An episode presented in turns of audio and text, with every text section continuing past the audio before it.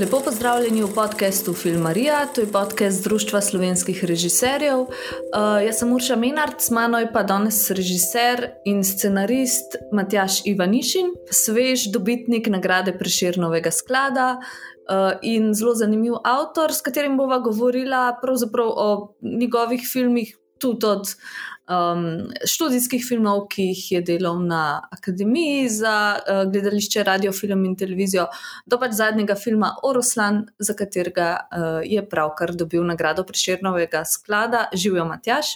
Zdravo, še. In najprej iskrene čestitke za zasluženo nagrado, pravzaprav filmari. Uh, Nismo velikrat uh, nagrajeni, tako da se mi zdi, da je to še večje, pa lepše priznanje. Ti pravzaprav se nekako zelo uspešno, se mi zdi, izogibaš tej neki delitvi na to, kaj je grano, kaj je dokumentarno. Um, večina tvojih filmov je nekje na meji, uh, doskrat delaš z naturščki. Um, sploh v recimo zadnjem filmu Oroslan imaš dva igralca, no, še en se, ja, mogoče ne dva se še pojavlja, zelo epizodno, ampak drugače pa um, so igralci ljudje, ki igrajo skoraj mogoče sebe. Razmišljaš sploh kdaj, da bi nek klasičen igrani film naredil, ali pravzaprav je to raziskovanje za te neka poglavitna stvar pri tvojem ustvarjanju, pa iskanje nekih umestnih, hibridnih form? Ja, um, do zdaj je, mislim, da je bilo tako. No? Zdaj za naprej uh, ne bi upal nič reči, ker bo veka me bo odneslo. Bom zdaj rekel nekaj, pa bom naslednji film delal popolnoma klasičen, kdo bi vedel, še sam ne vem. Ampak uh, je, je bilo do zdaj tako, da sem pravzaprav delal po, po tem občutku, da pravzaprav sem si želel uh, pravzaprav predvsem ustvariti neke pogoje, da se lahko nekaj zgodi. Se pravi, da sem poskušal svojo osnovno zgodbo um, postaviti med določene ljudi v neko okolje in potem v tej zgodbi na široko odpreti ena vrata, da so lahko ti specifični ljudje iz tega okolja in to okolje vstopili v zgodbo in se na nek način začela ta moja ideja, moja struktura. Samim, bom rekel, terenom um, začelo mešati, se pravi, ali pa bi rekel, sobivati, ali pa celo sooplajati, nadgrajevati. In to se mi je do zdaj zdelo bistveno, oziroma se mi še zmeraj zdi bistveno, um, da pravzaprav so zmeraj ljudje, ki so bili pred kamero, vnesli v samo vnaprej pripravljeno situacijo tudi nekaj svojega, nekaj, kar je mogoče ni na prvi trenutek vidno, ali pa se ne da točno posnet, moče kar nosijo v sebi neko svojo izkušnjo. Se pravi, zelo, zelo na stežaj odprta vrata so bila za, za, za te stvari izmeraj postavljena v, v filmu. To vem, da najrajš mogoče. Marsikdo od nas tega ne bi počel, ampak vseeno je treba nek scenarij oddati nekomu, preden uh, sploh dobiš zeleno luč za snimati film. Kako te stvari potem sploh napišeš? E, ja. Ali se malo tako, kot se vsi malo pretvarjamo, da vemo, kaj bomo snimali? Um, mislim, jaz ne bi rekel, da gre za pretvarjanje, bi pa rekel, da je v mojem primeru scenarij en okvir, ki pa ni dokončen. Zdaj, seveda, ne poznamo filme, kjer pravzaprav je važen scenarij do te mere, da se poskušajo režiserji čim bolje v samem postopku nastajanja filma realizirati to, kar je napisano, ker so vse na tanko premisli že v, v, na papirju, bi rekel, in poskušajo samo čim bolj um, dosledno te stvari na terenu realizirati. Zdaj, v mojem primeru, pa pravzaprav ta scenarij služi kot eno, eno čvrsto jedro meni, se pravi, da jaz na nek način imam en, eno, eno pot začrtano, kam bi si želel iti, ampak kot rečeno, prej so ta vrata za, na tej poti odprta, da se ta pot lahko tudi spremenja. Se pravi, ni ta pot, recimo avtocesta od Maribora do Ljubljane, ampak vodi nekje po nekih stran poteh, pa se mogoče kdaj tudi malce zgubi vmes, pa se spet najde. Um, se pravi, da te vse stvari, ki se na terenu zgodijo, lahko tudi vplivajo na, na, na sam potek zgodbe in na samo zgodbo. Um, ampak se mi zdi, da nujno pa rabim ta okvir, zato pravim, da ne gre za pretvarjanje. Rabim pa ta okvir, s katerim štartam, ker če tega ne bi bilo, se mi zdi, da sploh nimam razloga, da bi nekam šel ali pa da bi zakaj grem tja. Moram imeti ta to neko jedro mora imeti. Uh, čvrsto, da bi se lahko zgubljal malce na poti. Ne? Ampak potem se mi zdi, da, se, da ta zgubljanja niso, niso, ne gredo proti filmu, ampak so pravzaprav um, zavezniki oziroma zaveznice uh, filma. Se pravi, da obstaja možnost, da se lahko nekaj zgodi. No, to ustvarjanje možnosti. Nekako delujejo tvoji filmi, no pa tudi to, kar zdaj govoriš, da zahtevajo ogromnega researcha oziroma enih uh, raziskav, enega preživljanja enega časa v prostoru, kjer boš potem snimal film in spoznavanja ljudi. Kako si sploh lotaš tega?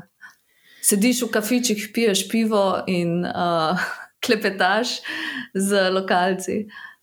Tudi to, tudi to, seveda. Tudi, tudi to. Uh, Ampak jaz mislim, da prav zaradi tega, ker na nek način prihajam iz ali pa od dokumentarnega filma, se mi zdi, da mi je ta, ta proces raziskave, ta konstantna raziskava, tudi takrat, ko, ko film se snema, tudi takrat, ko film se montira, se pravi, pon, vedno znova ponovno odkrivanje stvari, uh, je ta raziskava. Mm, pravzaprav skozi prisotna, ker v dokumentarcu vse veš, kak je pravzaprav. Ti imaš eno, eno, eh, en občutek, da se nekje nekaj skriva, nekaj, kar, je, kar, je, kar bi lahko bilo važno za tvoj film. In potem se podaš na to pot, ne vedoč, kam te bo zdaj točno peljala, kam bodo zdaj ti ljudje v času nastajanja tvojega filma, kaj se bo z njimi dogajalo. Se, lahko predvidiš določene stvari, seveda, bolj ko je čvrsto to jedro. Prej lahko kakšne stvari predvidiš, in bolj natančno jih lahko tudi predvidiš. Ampak vseeno se podajaš na pot z neko vero, da da tam se nekaj skriva. In jaz te svoje igrane filme, pravzaprav sem do zdaj snimal na podoben način.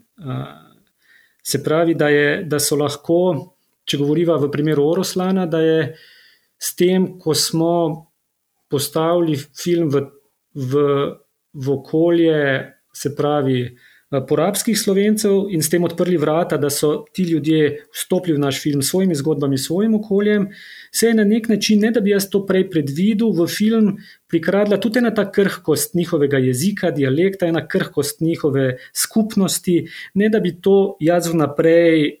Artikuliral sam sebi, pa s tem namenom šel snemati. Ampak to je vstopilo v film, zato ker smo dopustili možnost, da se je to lahko zgodilo. In zato lahko zdaj ta film tudi skozi to perspektivo se gleda, ne da bi jaz od začetka želel s prstom kazati na, na te specifične stvari. Se ti kdaj zgodi, da te nekam odpelje, pa misliš, da bo to v redu smer, pa potem v montaži ugotoviš šele, da to ni bilo v redu. Ali pa um, kako veš, kdaj je treba potem narediti korak nazaj, pa mogoče iti po eni drugi poti. Se ti je zgodilo, kdaj to?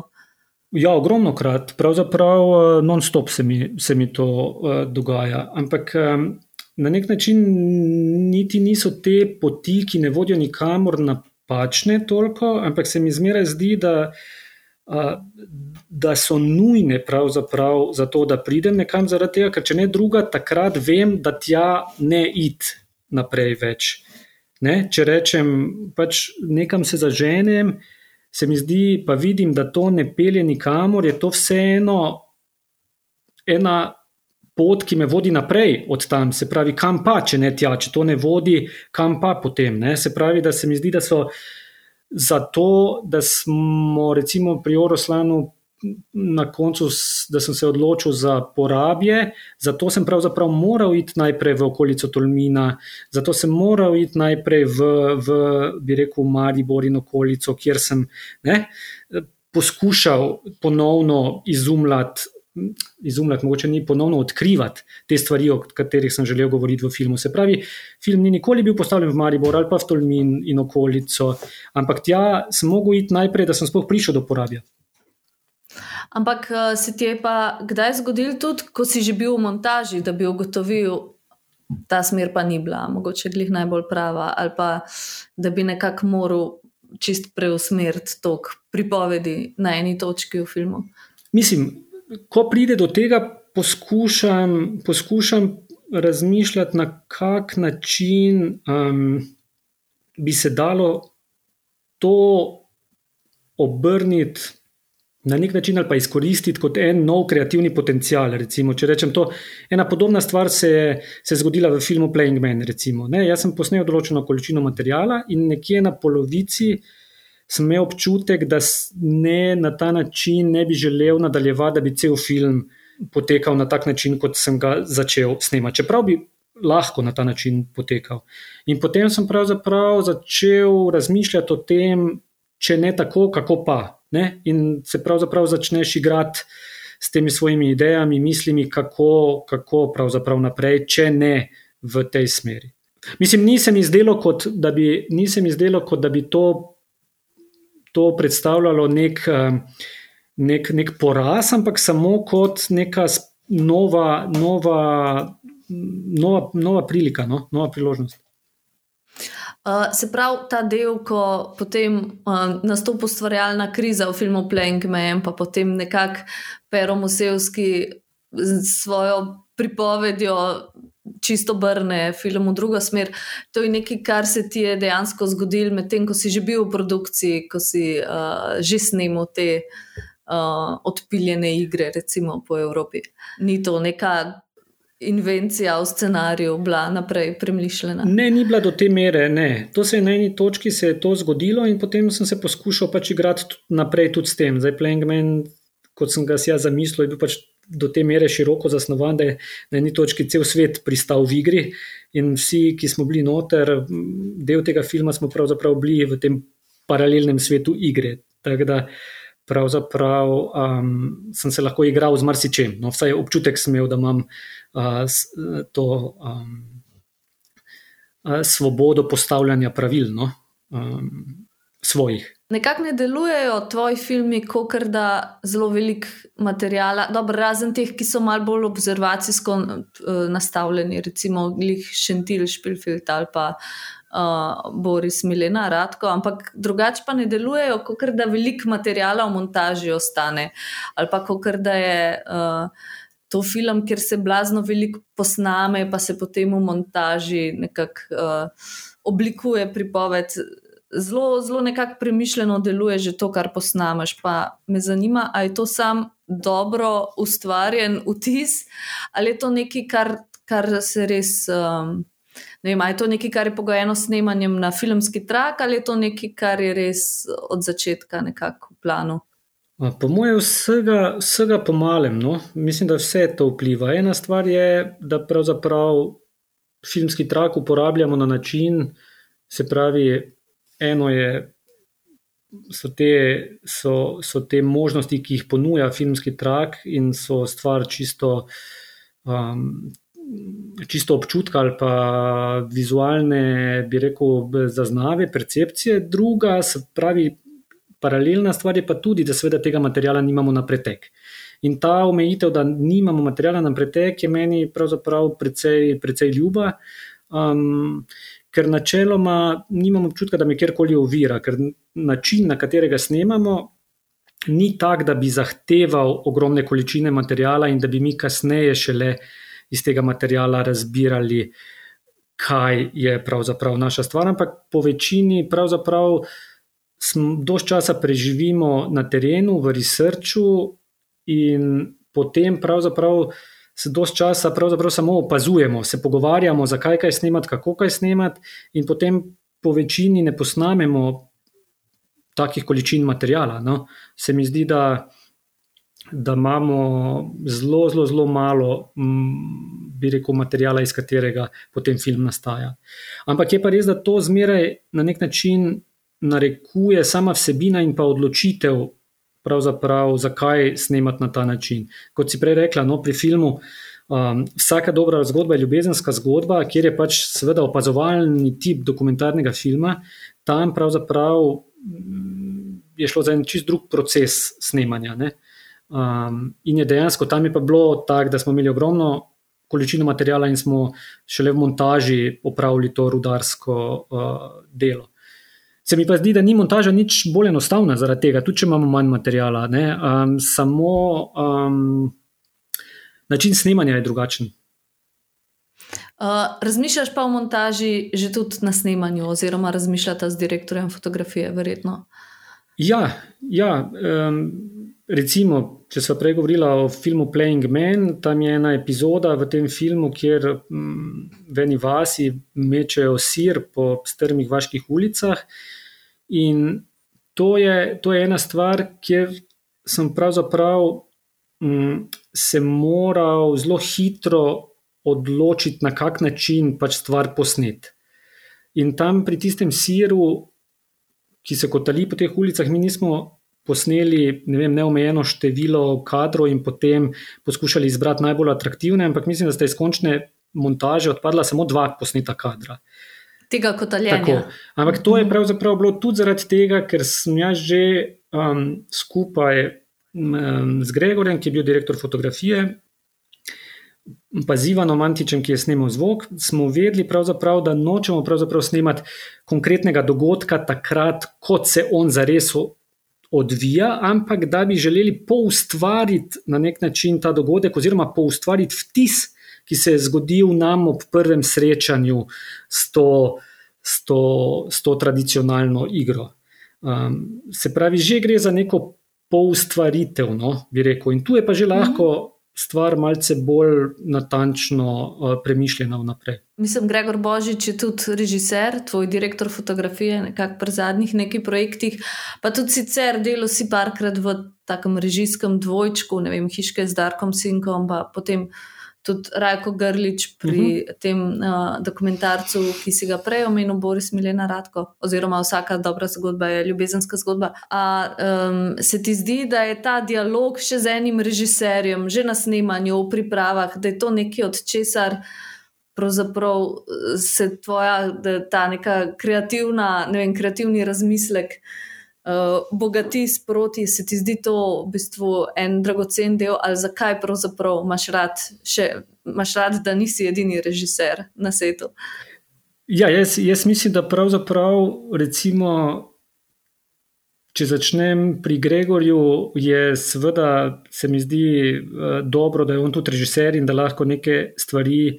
Pregovarjava, um, debatirava, analizirava tudi iz te perspektive, ampak jaz mislim, da bi uh, da bi z njim prav isto dobro sodeloval, tudi če bi bil on, ehm, bi rekel, odgovoren za zvok, ali pa če bi bil montažer. Eh, pač se mi zdi, da je cela naša ekipa. Um, da si želim okrog sebe ljudi, s katerimi pač rad, bi rekel, delim kreativno uh, mnenje. In uh, seveda pomaga, če so ti ljudje zelo um, talentirani in seveda zelo precizni tudi na svojem področju. Um, ampak ni pa nujno, da so pravzaprav režiserji. Um, se mi zdi, da naša celotna mala ekipa je pravzaprav na terenu na tak način, kot pač pripravljamo film ali pa ga celo snemamo, je opravlja vsak pravzaprav en cel spekter nekih različnih funkcij, ne samo tiste, ki je um, recimo stvar mene kot režiserja ali pa Gregorja za kamero ali pa, um, ali pa Ivana za zvok. Ne. Zdaj, recimo, ko smo snemali Playing Mana, je, pa to bi moral Gregor bolj povedati, je on ogromno svojega časa porabil tudi kot prevajalec, preprosto. Ker so pravzaprav vsi, ki so hoteli meni nekaj povedati, so šli k njemu in mu povedali, da je on lahko meni prevedel. Recimo.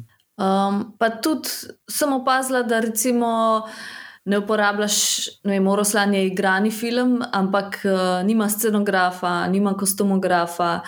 Um, tudi sem se vprašala, kako pravzaprav sploh z Gregorjem uporabljata luči, tako uh, veliko krat zgledajo te interjeri, kot da sploh niso polučkani, čeprav verjetno ni čisto res to. Um, te nočni lokali pa tako nekako zelo dokumentarno delujejo v dobrem smislu. Kako si potem te funkcije nekako razdelite v tej miniaturni ekipi, kjer pravzaprav nimaš človeka, ki bi delal te stvari? Ja, zdaj konkretno glede luči je tako. Tam, kjer je ne rabimo, je seveda, kjer imamo občutek, da je ne rabimo, je seveda po nepotrebnem ne, ne uporabljamo. Zdaj, ker pač ta 16 mm filmski trak ni občutljiv do te mere, kot je pač ta digitalna tehnologija, pa seveda v kakih interjerjih pa se pojavi potreba po luči, ampak jo poskušamo čim bolj skrit, ne? da se pač v, v, v posameznem kadru ta luč ne bi opozarjala sama na sebe. Um, je pa res, da takrat, ko imamo občutek, da, da rabimo luč, seveda takrat pa za tisti konkreten, recimo, dan ali pa dva, koliko časa pač to sceno snemamo, takrat pokličemo pa določene okrepitve oziroma določeno okrepitev. Mm -hmm. Se pravi, se ne gibamo z vsemi možnostmi skozi, ampak samo za te posamezne trenutke, kjer čutimo, da rabimo pomoč, takrat pravzaprav pokličemo na pomoč um, nekoga, ki je pomoč pri luči, nekoga, ki je pomoč pri scenski tehniki, ampak samo za tisto omejen čas, ko to zares rabimo. Tako da nimamo tudi na terenu skozi vseh stvari na voljo s sabo. Uh, je pravzaprav tudi, uh, ne vem, kamera se mi zdi, da je vedno deluje kot pogled človeka. No? Uh, ni nekih čudnih premikov kamere, nekih čudnih kotov kamere. Um, vse je pravzaprav večinoma stativ ali pa iz roke, če se ne motim, mogoče še en zoom. Tako se mi zdi, kar da. Um, Da ne želite preveč poudarjati tega, da je zdaj to neka kamera snema, ampak da vedno to deluje, kot da nek človek opazuje film. Mislim, meni se zdi predvsem bistveno, da takrat, ko se odločimo, da nekaj za eno smer, da poskušamo se na nek način, um, na nek način da poskušamo odstraniti vse, kar, kar, kar se mi zdi, da ne potrebujemo, da je ne potrebno. Ne zato, da ne bi znali ceniti tistih stvari. Ne? Če smo prej govorili o scenografu, kostumografu, meni se zdi, da če delaš tak tip filma, je pravzaprav dober scenograf, dober kostumograf, to, je, to so ključni sodelavci. Ne? Ampak pri tem tipu filma, za katerega sem se odločil, eh, recimo, če govorijo o Oroslanu, je pa, je pa zavestna odločitev, da bom uporabljal samo lokacije takšne, kot so, in pravzaprav z minimalnimi posegi, in da ne bom pravzaprav jih. Um, še dodatno nadgrajeval, ali pa za kostume, ki jih bodo ljudje pred kamero nosili, se mi je zdelo, da jih lahko izberem sam, oziroma v, z ljudmi, ki so v moji najožji ekipi, ne, konkretno z asistentom. Uh, režiserja ali pa ne, določene stvari um, z direktorjem fotografije, pač da lahko na ta način uh, delamo. Mm, če bi snimal drugačen tip filma, bi bilo neumno, da bi pravzaprav postopal na ta način. Se mi zdi, da je bistvena stvar, da uspemo prepoznati, kak tip filma delamo. In potem pravzaprav poskušamo zagotoviti možnosti, da se tak film, ali pa čim več možnosti, da se tak film lahko zgodi. Ne? Zato se mi zdi, da ni pravzaprav en. Da ne obstaja pravzaprav en uh, priročnik, ki velja za vse, ne, na kak način se film dela. Ne. To je lahko ena receptura, ampak mislim, da je glavna stvar na začetku prepoznati, kak film si želiš delati in kaj za to potrebuješ, oziroma česa za to ne potrebuješ. Ne? Um, A pa ti da precej, precej miniaturna ekipa um, omogoča, oziroma pač sklepam, da omogoča tudi večjo mobilnost, pa fleksibilnost, pa se da tudi plan snemanja včasih zamenjati ali pa obrniti nekaj drugega posnet. Je to nekaj, kar veliko krat pol izkoriščate, oziroma uh, a se dogaja, da pač tisti, kaj vi se verjetno v dva kombija nabašete, uh, se dogaja, da je kašen dan snemalni, se odpeljete sam nekam drugam ali pa se popolnoma. Uh, zamenja načrt dela za tisti dan, ali je pravzaprav še vedno to splanirano, tako kot so mogoče kakšne bolj klasične produkcije. Ne, se dogaja, se dogaja, seveda se dogaja. Pri nekaterih stvarih um, je tega več, pri nekaterih manj.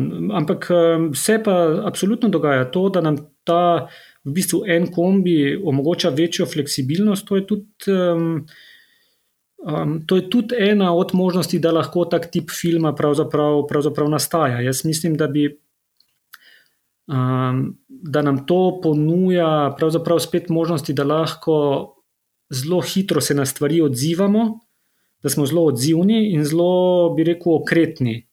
Um, včasih se kakšne stvari, pa to pa je spet malce najbrž povezano z samim dokumentarnim.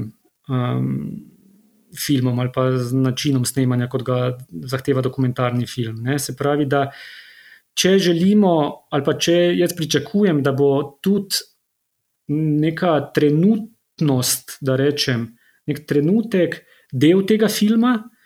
Ne, um, potem pravzaprav si spet moram zagotoviti pogoje, da se lahko odzovem na neke trenutne situacije in da lahko zelo hitro reagiramo. Vsi skupaj. Da, ampak da to tudi vsi skupaj razumemo, od producenta do ekipe, ne, da je vsem jasno, kak, kak, kak film delamo. Ne. In se mi zdi, da to, ko so prej govorili o tem pogledu, pravzaprav kamera kot pogled nekoga, pravzaprav gre skozi za nek odprt dialog med mano, um, med nekom, ki gleda skozi kamero in tem, kar je pred kamero, skozi je nek ta medprostor, ki se ustvarja. In za ta medprostor se mi zdi, da ne, por, ne potrebujem kamere, ki bi mm, na nek način želela opozarjati sama na sebe, ki bi bila na ta ali pa drugačen način atraktivna. Vse te elemente poskušam uh, odstraniti. Iz svojega filma in dati prostor zaradi tega, seveda, enim drugim stvarem. Um, omogočiti ta prostor, no, ali pa ga ne, ga ne pretirano um, ja, ovirati. Um, se pravi, če bi se odločil snemati en drug tip filma, bi pa najbrž to, da se podajamo na ta način, ga snemati, bi bila pa napaka, najbrž ne, če bi sam proces nastajanja filma zahteval bolj um, bi rekel, komplicirane postopke, kamere, tehniko, seveda za te stvari pa potrebuješ um, um, nek podpor. Včasih se pred kamero verjetno tudi kaj nepričakovanega zgodi, ali pa je nekaj boljš, kot si pričakoval. Uh, jaz sem recimo vedno, ko sem gledala uh, Playing Man, vsakeč v tisti sceni, kot tisti mladi italijani igrajo Moro, ki je genialna, ampak jaz sem vsakeč potem razmišljala, uh, A lahko ohraniš mirno kri, se ne začneš, ne vem, smejati uh, za kamero, oziroma kako si ti uh, kot nek pre, premišljeni opazovalec v taki situaciji, vem, uh, ali pa kako si pravzaprav režiser v takih situacijah, ki se začnejo dogajati in potem jih sam loviš. Ja, spet, spet bi rekel, da pravzaprav režiser. Spet sem v, v takih primerih v toliko, da pravzaprav poskušam zagotoviti pogoje, da se lahko zgodi nekaj, ne? to, kar pred, to, kar je pred kamero. Se pravi, da, nas, da se vzpostavi neko zaupanje med ekipo in temi um, uh, fanti, ki igrajo moro, in da so lahko oni pred kamero takšni, pač, um, kot jih pol vidimo v, v filmu. Zdaj. Tega se jaz nikakor ne bojim, če so kakšne situacije smešne, pa če včasih se, včasih se seveda ne poskušaš ne se zadržati, pa se ne smejati, ker se seveda snema tudi ton, pa ne bi zdaj želel, da se nekaj sliši tam iza kamere kot nek komentar temu. Ampak, mislim, ko so prej govorila, če te kaj preseneti ne, na terenu, mislim, jaz si že nekaj zamislim, ampak ponavadi vedno znova odkriješ, da tisto, kar si si ti zamislil, je na terenu pravzaprav toliko bolj kompleksno in samo še. Še boljše v vseh pogledih, ali bolj smešno, ali bolj presunljivo, ali bolj tragično samo še boljše je. Če, seveda, če, če si pustim to možnost, da, da, da to spustim tudi v, v svoj film. Če se zaprem v neko svojo, bi rekel, um, sobo, potem pač ostanem s tem, kar sem si zamislil. Pa je lahko to sjajno, ampak mene mogoče bolj zanima. To, kar pride skozi ta odprta vrata. No? In um, se mi zdi, da dosti krat, ko so govorili na začetku, pridejo neke te stran poti ali pa pridejo neke tudi napake s tem. Ampak meni se prav ta napaka, se mi zdi pravzaprav nujna za moj proces dela.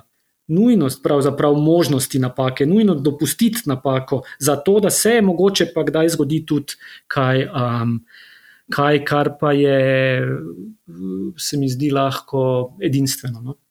Um, tukaj se mi zdi, včasih realnost prav prebije neko načrtovano, ne vem, nek načrtovan tok pripovedi, glih v enih takih um, majhnih stvarih, ki se zgodijo, pa jih ne pričakujemo. Ja, zmeraj ti pravzaprav na nek način ponuja možnosti, če si jih pripravljen sprejeti, zmeraj ti mm, se mi zdi, da ti te možnosti pravzaprav sama, samo okolje, sama situacija pravzaprav ponuja. Ampak kot rečeno na začetku, ne gre za to, da bi se stvari zgodile samo po naključju. Ne? Jaz mislim, da če imamo mi neko pot začrtano, kam gremo, pa neko čvrsto sidrišče v celi ekipi ali pa jedro, potem se mi zdi, da ta naključja več niti niso toliko naključna.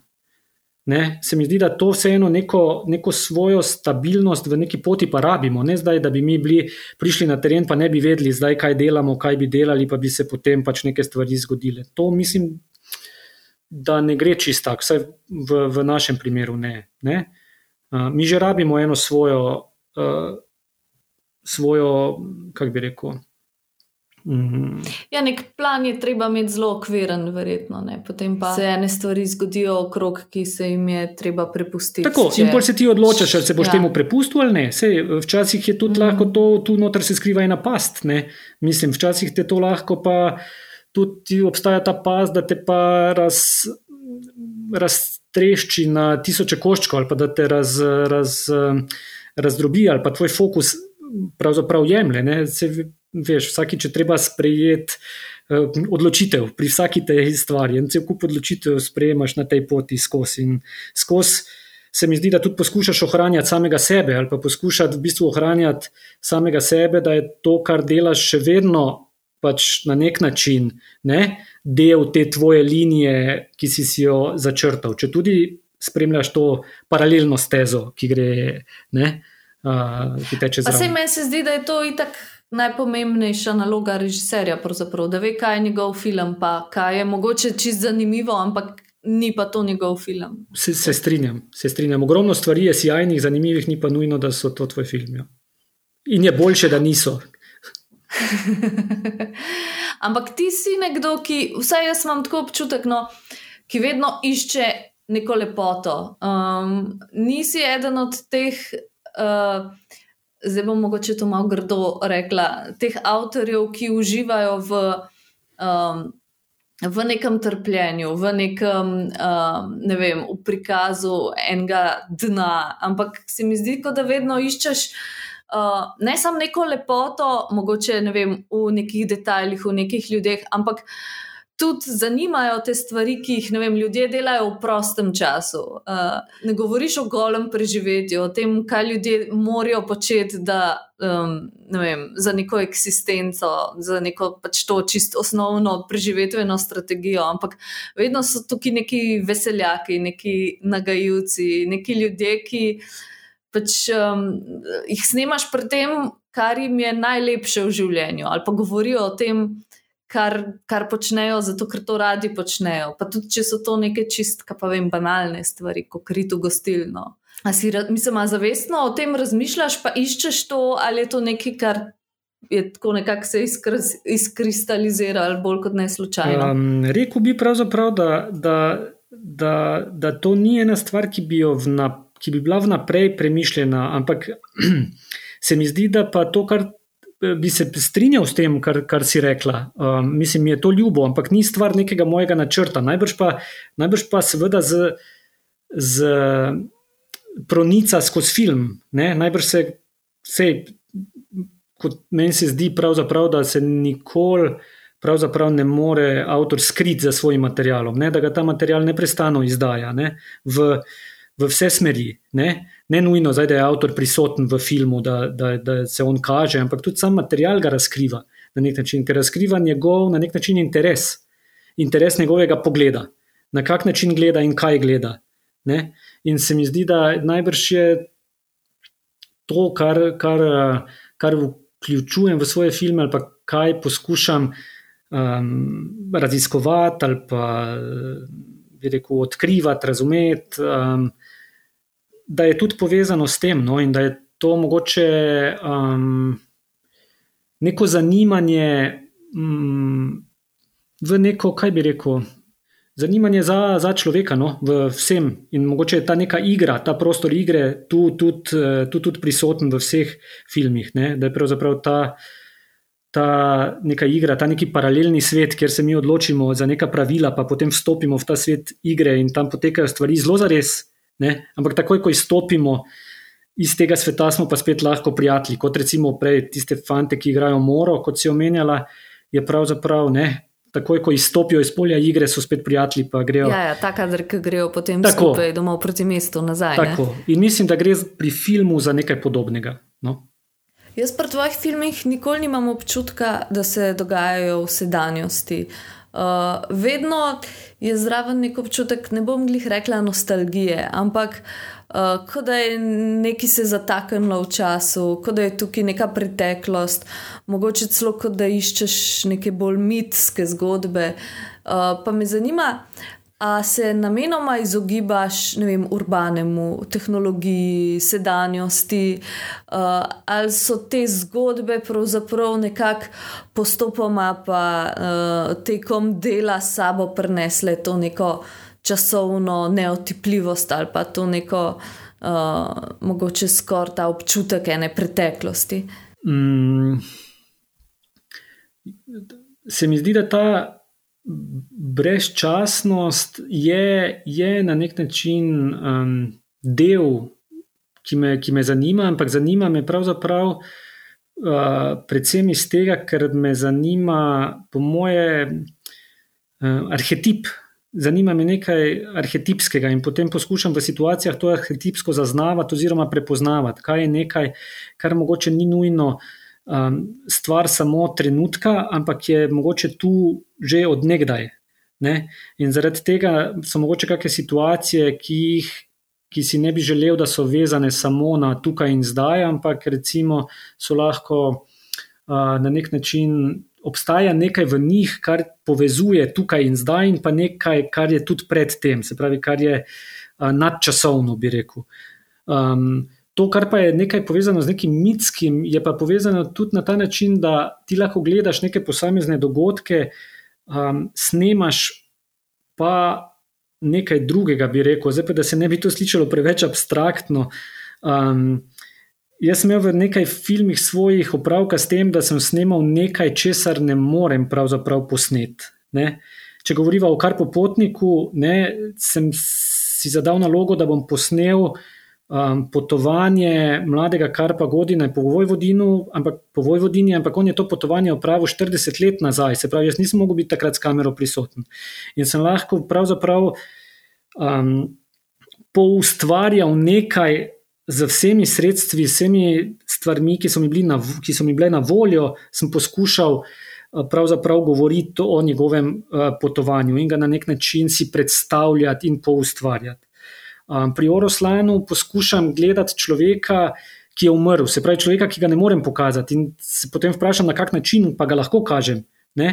In smo pravzaprav um, razmišljali, na kak način je ta človek, na kak način še ostaja del um, svoje skupnosti ali pa svojega okolja, tudi po svoji smrti. In potem pravzaprav je, sem jaz poskušal na nek način ga odkrivati v pač, um, stvarih, kjer bi on lahko pustil en, en, en odtis, da rečem, en odmev svojega življenja. To pomeni, da ko sem pač um, snemal njegovo hišo, sem pravzaprav snemal njega. Ko sem snemal pokrajino, sem snemal njega. Ko sem snemal ljudi, ki pripovedujejo o njem, sem snemal pravzaprav njega. In z vsemi temi drobci sem poskušal gledati, na kak način um, se lahko ta njegova podoba na nek način um, um, zrcali. Pravzaprav v nobenem od zadnjih treh svojih filmov nimaš protagonista, oziroma je protagonist odsoten, no, če že je. je ja, v bistvu, v bistvu ga res nima, no, vsaj ne tega, tega, tega čisto klasičnega protagonista. Čeprav eh, eh, rekel bi, da je Oroslan absoluten protagonist, eh, samo. Eh, samo ne vidimo ga uh, nikoli. Oziroma, ne vem, spet v, v, v Karpu Potniku je, se mi zdi, mladi, mladi režiser, uh, KG, uh, protagonist uh, tega filma, ga tudi nikoli ne vidimo, ampak ga pravzaprav poskušamo. Poskušamo mu pa priti blizu, če tako rečem, no, temu protagonistu preko preko teh drobcev, preko teh fragmentov, um, ki, ki nam jih pravzaprav film ponuja. Se pravi, da na nek način to, kar bi si jaz želel, je, da bi gledalec pravzaprav um, s vsemi tremi fragmenti, ki jih v filmu dobi, poskušal, če je pri volji, če sprejme, sprejme to, to igro, um, da bi poskušal sestavljati sam to podobo. Se pravi, da ta podoba ni nekaj, kar je, kar je um, bi rekel, permanentna oziroma zmeraj znova enaka, ampak da se lahko ta podoba. Če govorimo o Roslanu, pravzaprav vsakim gledalcem spremenja. Ker kar bi si ja želel, je, da gledalec tudi s temi podobami, ki jih prinaša, ko gleda na nek način, so kreira to Oroslanovo podobo. Tako da je ta podoba Oroslana lahko vsakič znova drugačna. Ampak to ne pomeni, da je kdaj napačna, zmeraj točna, po moje. Um, mogoče tudi zato, ker imam sam rad filme, ki mi na nek način spet puščajo ta vrata odprta, tudi za me, da lahko jaz na nek način vstopam v to zgodbo. Um, mogoče je to tudi zaradi tega. Je pa po drugi strani tako, da v uh, marsikerem od tvojih filmov protagonista v tem klasičnem smislu vsaj začasno nadomesti pripovedovalec. Uh, lahko je to samo za en del filma, tako kot recimo. Uh, Pero Musevski v Plankman ali pa Miki Roš v Oroslanu, ali pa tako kot v Karpopotniku, ko je Neboša Poptasič en tak nevidni pripovedovalec skozi cel film.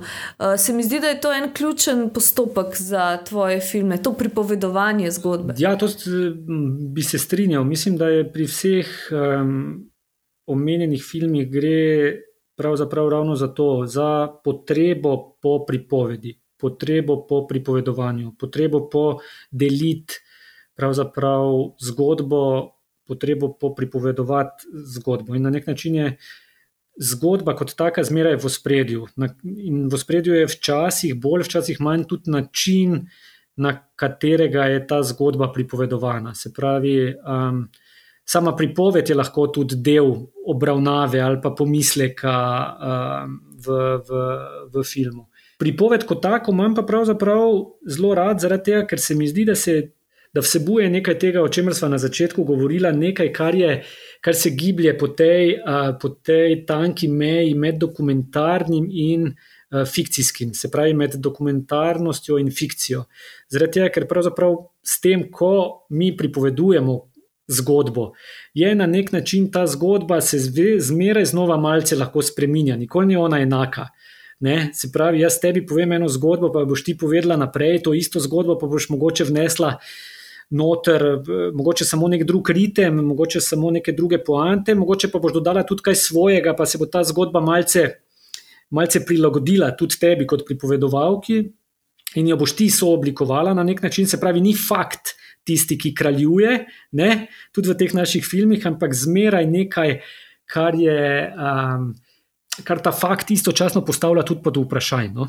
Nekdo, ki ve o tem, niso več od mene, je rekel, da prvi plenk meni pero nekaj narobe pove, ko opisuje ta Ivaniševičev zmagoslavni finale Wimbledona. Ja, um, mislim, ne vem, na kaj, na kaj je ciljal ta, ki ti je to povedal, uh, ampak uh, sigurno je pa kakšna stvar v, v njegovi pripovedi, ki, ki ni, ni čisto točna. Za, Za začetek je že ime tega komentatorja, ki ga on omenja, pravzaprav njegov priimek. Um, mislim, da ga Pero enkrat imenuje Cvijanovič, enkrat uh, nekako še drugače. Pravzaprav je ta človek, ki je komentiral ta meč, se piše Dušanovič. Tako da on ga, on ga pravzaprav vsakič z drugim priimkom poimenuje. In zdaj je spet odvisno, na kak način nekdo gleda pač to. Ne? Um, jaz sem zmeraj imel občutek, da govorimo tu o nekem, uh, da moram prepustiti Perotu. In če je Perot to narobe po, povedal v tistem trenutku, narobe, Bog ve zakaj, mogoče se pravzaprav čist ne spomni konkretno, mogoče je kaj pomešal, ampak to je bil del tistega trenutka. Nisem jaz imel potrebe, da bi zdaj to uh, spremenjal v, v perfektno, točno obliko. Ne? Da, naknadno. Če rečem, recimo, z ene zgodbe iz druge smeri, ko smo snemali kar popotnika, recimo, so, je tam ena zgodba o enem ficku, ki, je, ki, je, ki si, so ga vsi poznali v vasi in jaz pač ficko ta nisem mogel posnet, ker je vmes umrl, ampak sem srečal tam ene tri njegove prijatelje, ki so pa bili še živi. In oni, ko so se spominjali ficka, oni so njem pripovedovali take zgodbe, ki so, mislim, bi rekel človek, že čudežne zgodbe. Ne?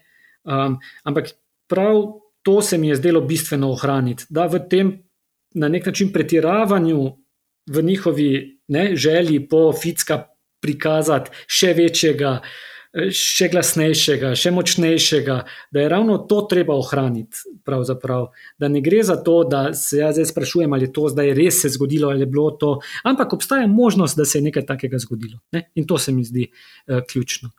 Uh, Kako pa pripovedovalci zgodb, pravzaprav uh, vsaj te ta glavni pripovedovalci, vplivajo na osebino? Uh, Je to nekaj, kar skupaj oblikujete, recimo pred snemanjem?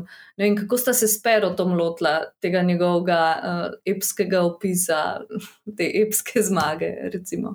Ja, mi dva s Perotom sva, sva, sva pravzaprav, jaz ko sem razmišljal o, o tem, tem poglavju tega filma, sem imel pravzaprav dve izhodišči pred sabo. Ena stvar je bila, da bi šel v Maribor nazaj in da bi na na, v klubu, kjer sem treniral, včasih poiskal katerega od svojih bivših trenerjev ne, in bi pač posnel ta prizor z njim. Um, po drugi strani sem se pa spomnil na Perota, s katerim sva igrala tenis. Um, ne zdaj, bi rekel, prav pogosto, pa redno, ampak sva se pa kdaj srečala na terenu in se spomnim teh najnih pogovorov po, po, um, po odigrani partiji. In se mi je zdelo, da je Pero na nek način še bolj točen za, za ta film, zaradi tega, ker se spet dotika nekega istočasno, nekega polja igre in na kak način um, se igralec lahko pojavi v tem filmu, oziroma tako kot je Pero rekel, pravzaprav. Um, Enkrat po snemanju je rekel: Glej, kako daleč sem prišel, zdaj igram že v dokumentarnem filmu. Ne? To se mi zdi še kar točno za, um, za to, kar smo počeli. Je pa nastalo tako, pač mi, da smo pač delili neko, uh, rekel, neko ljubezen do, do, do tega športa, in um, potem sem jaz pač njemu predlagal, če bi rekla, kak, kako na to temo. In potem si je pač on tudi, ko so se pogovarjali, kaj bi to bilo, je pravzaprav prišlo tudi do tega, da bi on še enkrat obnovil ta znamenit. Znamenit Ivaniševičev meč, um, ta zadnji gem, samo uh, In uh, je potem si pač seveda nekoliko pomagal z pač tem videomaterialom, arhivom, ki je bil seveda na voljo. Um, Aha, se pravi, to je nekaj, kar je on izbral. Um. Izbrala sem, mislim, iz, mogoče sama ideja je prišla v tem pogovoru, mogoče da je prav ideja za to bila moja, ampak uh, jo je on uh, lahko delil takoj, oziroma je vedel, o čem se gre, in jo lahko takoj tudi uh, ponotranil. Zadnjič v uh, pogovoru o filmu Oroslan, ki ste ga imeli z uh, Miranom Zupaničem na MMC 4D, ki ga v bistvu zelo priporočam vsem, ki ste film že gledali, uh, si rekel, da so ti bolj zanimivi poraženci kot zmagovalci. Ampak Ivaniševič je pravzaprav en tak um, zanimiv primer zmagovalca. Um, kaj ti je na tem, kaj ti je na tej njegovi zmagi tako fascinantno? Ali pa vama je pravzaprav bilo? Tega, tega pravzaprav v filmu ni na ta način eksplicitno omenjeno, ampak pravzaprav Ivaniševič je bil pravzaprav v Wimbledonu večni poraženec. On je bil predtem trikrat v finalu in vsakič je izgubil finale. Se pravi, trikrat, trikrat je prišel do samega konca in potem izgubil finale. Mislim, da je dvakrat izgubil proti Samprasu, pa enkrat proti Agasiju. Um, se pravi, trikrat je bil pravzaprav že čisto tam, pa, pa na nek način mm, šel iz Wimbledona kot poraženec. In ravno zaradi tega, ker je on bil trikrat prej v finalu, je dobil pravzaprav od organizatorjev povabilo, se pravi, temu se reče v tenisu Wild Card. Zaradi tega so ga organizatori povabili, da je lahko sploh sodeloval tisto leto 2001 na turnirju. On drugače, ker je bil, mislim, da 125 na lestvici, se sploh ne bi uvrstil, niti kvalifikacij ne bi mogel pravzaprav Tam so njega povabili v glavni turnir, prav zaradi tega, ker je bil tolkrat poražen uh, v finalu. In potem mu je čudežno uspelo um, priti do samega konca in na koncu tudi zmagati. Um, ampak Ivaniševič je bil pravzaprav ogromno svojih mečev izgubil ravno zaradi svojega tega karakterja.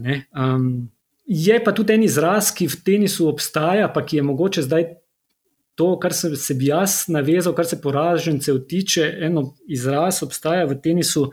Če ti igraš um, kvalifikacije, pa zgubiš so včasih delali en taki žreb, če si takoj na začetku izgubil in temu se je reklo lucky loser. In jaz mislim, da gre. Ali za... v smočarskih skokih nekaj podobnega tudi? Tako, tudi v, na novoletni skakalni turneji so ti uh, teh pet, mislim, da so pač te neposredne dvoboje izgubili, pa se potem uvrstijo zaradi pač svojih skokov. In ta, mislim, da so ti, ta, ti lucky losers, uh, mogoče tile, ki me, ki me, ki me zanimajo. Tvoji filmi veliko krat delujejo, kot da so razdeljeni na poglavja. Ni te uh, klasične no, in tridelne strukture ali kar koli, ampak gre veliko krat ali za eno um, naštevanje, uh, kot da zbiraš dokazno gradivo, nek dokazni material, ali pa za soočanje različnih pristopov v pripovedi, preskokovanje iz enega načina na drugega. Um, kako sploh pristopiš k taki dramaturgiji, kako začneš razmišljati sploh o strukturi uh, pri takem načinu pripovedi? Ja, jaz mislim, da gre to, to um, do neke točke, je to po mojem en intuitiven proces, ki pač um, sledi temu začetnemu. Začetni raziskavi, ampak ta raziskava je hkrati lahko včasih že del filma, je že včasih že ta um, raziskava na terenu, včasih se film prav v tem trenutku tudi dogaja, se pravi na poti sproti. Um, potem je ta druga faza tudi snemanja, posebej, kjer se ponovno odkrivajo posamezne stvari, in potem seveda faza montaže, kjer se na nek način ta zgodba spet na novo ponovno odkriva. Zdaj, da pa je različnih stvari več noter, je pa pravzaprav. Se ne vem, mislim, da je to pri vsakem filmu mogoče, je mogoče kak malo drug razlog, ampak eno skupna točka pa po moje je.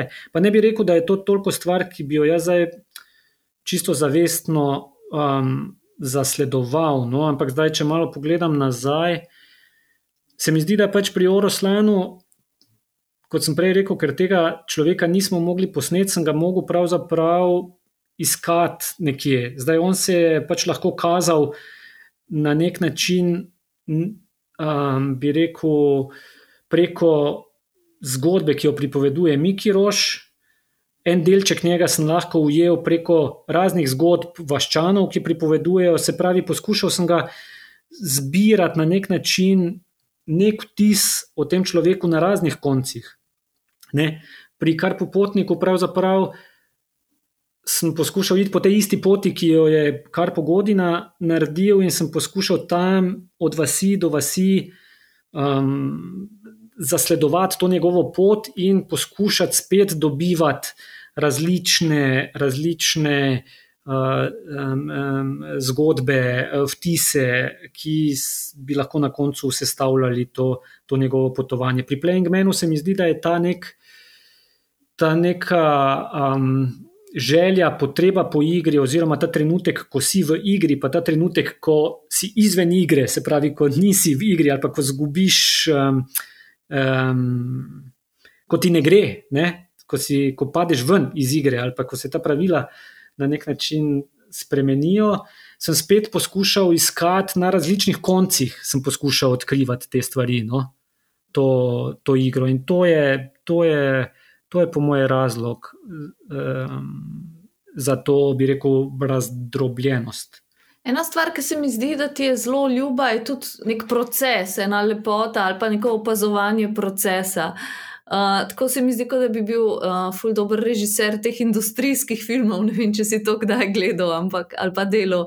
Ampak tako, da uživaš v tem um, opazovanju tega, kako neka stvar nastane ali kako se neka stvar uh, postopoma dogaja. Recimo. Ja, delovni proces je nekaj, kar, je, kar, mi je, kar mi je zanimivo, kar mi je ljubo. Kar je, uh, mislim, po eni strani rad opazujem človeka, medtem ko nekaj počne, ne? zdaj lahko, tako si rekla, za preživetje, lahko pa v prostem času, ampak da nekaj. Prav, da nekaj nastaja, no? da pred mojimi očmi nekaj nastaja, da nekdo, nekdo nekaj, nekaj proizvaja. Lahko je to, različne stvari so to. In se mi zdi, da tudi to, kar si prej rekla, industrijski um, film, mislim, da ta mehanika stvari je po eni strani tudi zanimiva. Jaz to sem že kdaj povedal, da recimo tudi ko smo začeli kar popotnika um, pripravljati, je pravzaprav ta spomin na, na, na to, ko nas je Karpo kot študente učil, pravzaprav on je imel preko predmet kamera za režiserje, ker smo takrat režiserji sami snimali tudi svoje vaje, te začetne. In pravzaprav je ta, ta spomin na Karpa, ki nas je pravzaprav učil vlagati ta 16-mm film v kamero. Noter. In to je na nek način mehaničen postopek, to je mehaničen proces, to je pravzaprav ne. Moraš vedeti, kak, kaj odpreš, kako vložiš, kako napelješ film, in to je to.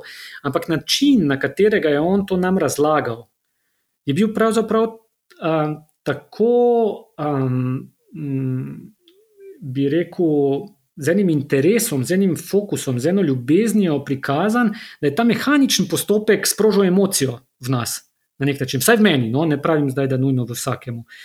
In da ta naenkrat, ta mehanika, s katero greš pol to de delati, te svoje vaje, ta kamera, ki je spet nek sam, nek, um, bi rekel, nek mehanizem. Postane na nek način um, nekaj, skozi kar ti lahko beležiš ta svet in neka občutja svoje. No? Se mi zdi, da je mogoče to, to kar me. Kar me Meni se itak zdi, da je kar povedno najbolj užival v tem delu, ko nas je usposabljal, da bomo znali to kamero uporabljati, glih ta del, kako, kaj vse moramo narediti, da potem lahko gremo pa snimamo. Polk smo enkrat snimali ta, ta proces na setu, pa tam postaviti luči, pa narediti dobro fotografijo, tako v narekovajih, se mi zdi, da ga ni pravzaprav toliko zanimalo, ali pa da ni, ne da ga ni zanimalo, no, ampak da mu ni bil tako znemirljiv, kot je prav glih ta, ta del, ne? kako zdaj ta stroj uh, naštimati, da ti bo služil.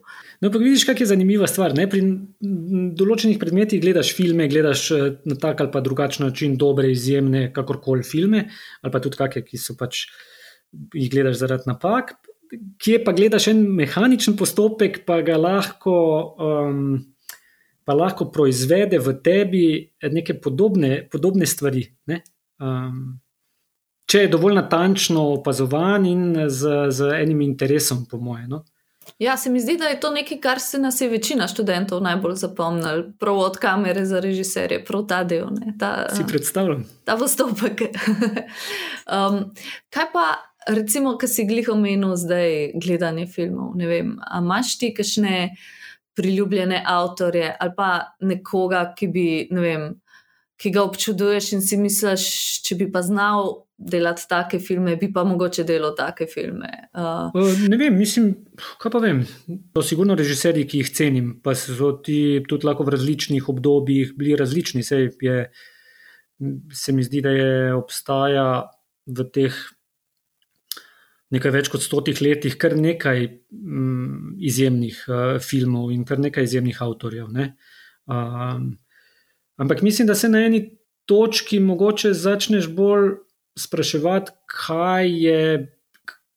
Kje se skriva nek tvoj film? No? Mislim, da, je, da si na eni točki mogoče ne želiš, uh, vsaj zdaj za, govorim, uh, delati pravzaprav filma, na tak način, kot ga, je, kot ga dela nek, nek drug avtor. Jaz mislim, da mogoče v nekaterih, v nekaterih filmih, kjer obstajajo zelo jasne zakonitosti, kaj mora film, na kak način mora kaj vsebovati, tam verjamem, da je tako, ampak v, v filmu, ki se ga sam lotevam, pa mislim, da je treba, treba na nek način poiskati nek svoj ta uh, manjkajoči film. No?